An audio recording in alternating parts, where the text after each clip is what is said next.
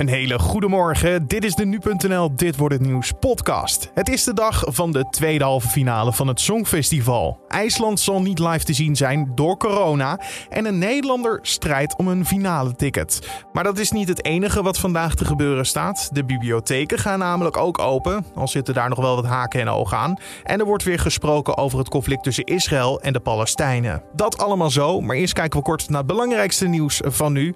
Mijn naam is Carne van der Brink en het is vandaag donderdag 20 mei.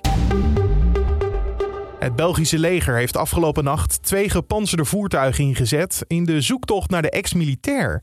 Aan de grens met Nederland wordt al dagen naar de extremistische man gezocht. Hij zou een aanslag willen plegen en hij bedreigde een Belgische viroloog. Zijn auto werd gisteren al aangetroffen in de omgeving, samen met vier raketwerpers die hij uit een kazerne had meegenomen.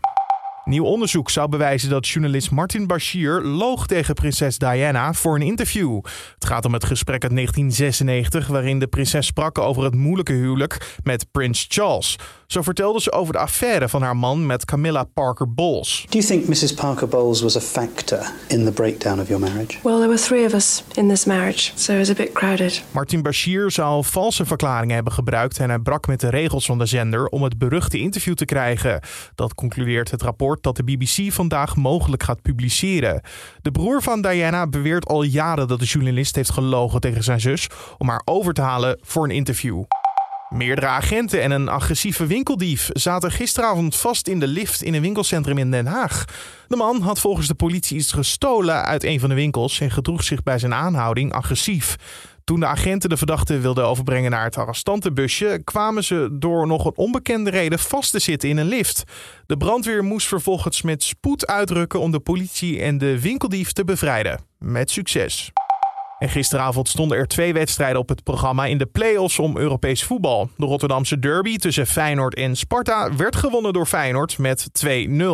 Coach Dick Advocaat was tevreden. Dat zei hij bij ESPN. Tevreden met eh, de manier waarop we speelden de eerste helft. Ik denk dat we heel goed voetbal speelden. Mooie goals. De tweede helft was wel wat minder, maar je kon, je kon niet 90 minuten zo goed spelen. FC Utrecht won verder van FC Groningen met 1-0. Daardoor is zaterdag de finale Feyenoord-FC Utrecht. Waar die wedstrijd gespeeld gaat worden is nog niet duidelijk. Het mag in ieder geval niet in Rotterdam vanwege de finale van het Songfestival.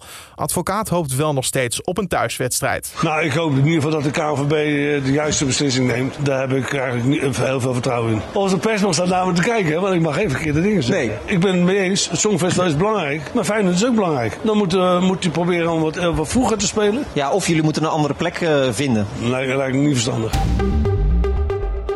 Ja, en dan kijken we naar de dag van vandaag. Dit wordt het nieuws.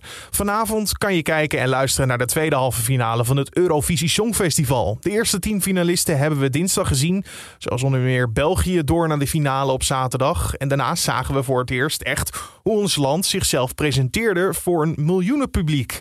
Hoe de reacties waren op die eerste avond, dat vragen we aan Songfestivalverslaggever Lara Zevenberg. Nou, vooral hele erg enthousiaste. Mensen zijn echt onwijs onder de indruk van uh, wat Nederland hier heeft uh, neergezet. En ook de presentatoren krijgen echt veel lof. Met name Nicky en Chantal, die uh, gooien hoge ogen in de buitenland. Ja, ik heb ook hard meegezongen, maar dat hebben we niet op tape hoor. Nu is de beurt aan 17 anderen om te strijden voor een plek in die finale. Wel zal er één land niet live optreden. IJsland, die hoog bij de boekmakers staan, hebben te maken met een coronabesmetting in het team.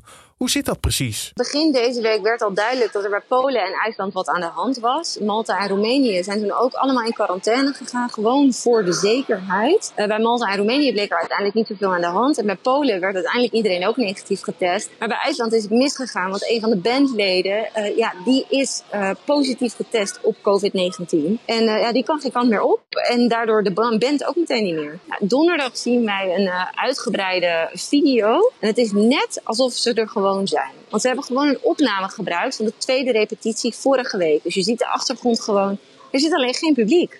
Uh, ik denk zelfs dat het ze kan helpen. Gewoon het, het, je gunt het ze ook. Omdat het zo vervelend is dat het, dat, dat het ze niet kan lukken om op het podium te staan. Maar maken ze dan nog wel steeds kans op die finale plek? En op wie moeten we verder letten? Lara kan het vertellen. Nou, kijk, de tweede halve finale is sowieso een stuk minder pittig dan die eerste halve finale. Wat op zich opmerkelijk is, want hier zit een land extra bij. Dus maar ja, als je kijkt naar welke landen hier meestrijden en welke liedjes ze hebben meegebracht, dan is IJsland alsnog eigenlijk wel veilig. Omdat ja, er zitten zoveel landen in waarvan mensen zeggen, nou, die gaan sowieso niet door. Ja, ze maken zoveel kans nu. How does it keep getting better?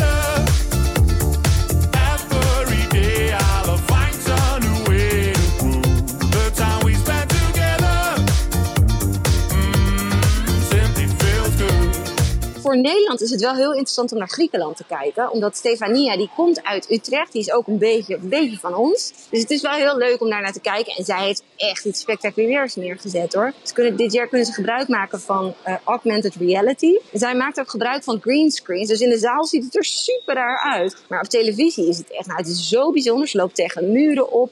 Ze heeft halve mannen naast zich dansen. Je moet het echt zien.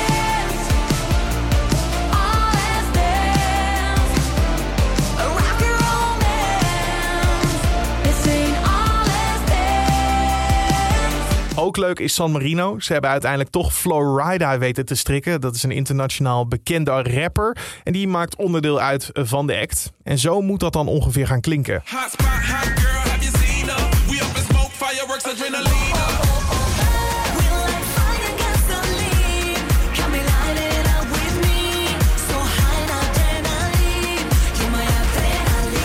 Evie de Visser verzorgt de openingsact vanavond. En de show begint om 9 uur op NPO 1 en kan je ook volgen op nu.nl. Op aandringen van de Tweede Kamer worden de bibliotheken meegenomen in de tweede stap van het openingsplan van het kabinet. Daarom mogen zij vanaf vandaag onder bepaalde voorwaarden weer hun deuren openen. Het is dus nog niet zoals vanouds, vertelt Klaas Gravenstein van de Vereniging Openbare Bibliotheken. Nee, helaas is, eh, is dat nog, eh, nog niet zo. We zijn eh, vorige week van stap 3 in het openingsplan naar stap 2 in het openingsplan gegaan. Dat betekent dat we eerder open kunnen.